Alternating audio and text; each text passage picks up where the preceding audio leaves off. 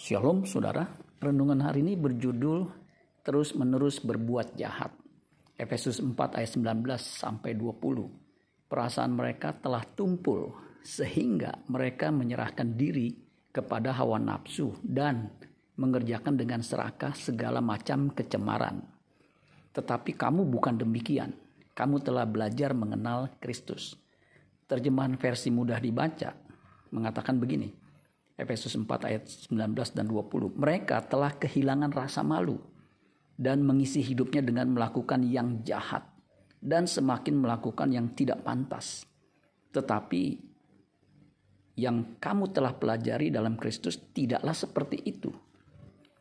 Pikiran orang yang tidak mau mengenal Allah akan mengalami penurunan sampai menjadi tumpul. Bahkan akan menjadi semakin buruk ia akan terus-menerus melakukan perbuatan jahat dan cemar. Ia akan semakin serakah dalam melakukan kecemaran.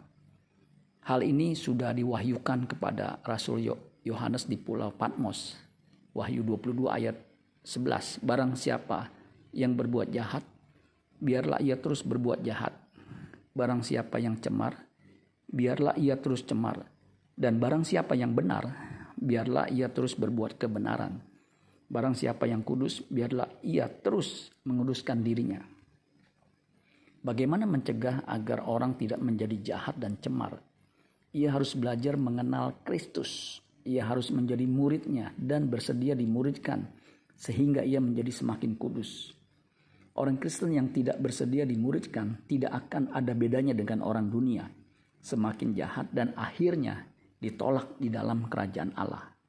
Amin buat firman Tuhan. Tuhan Yesus memberkati. Sola Gracia.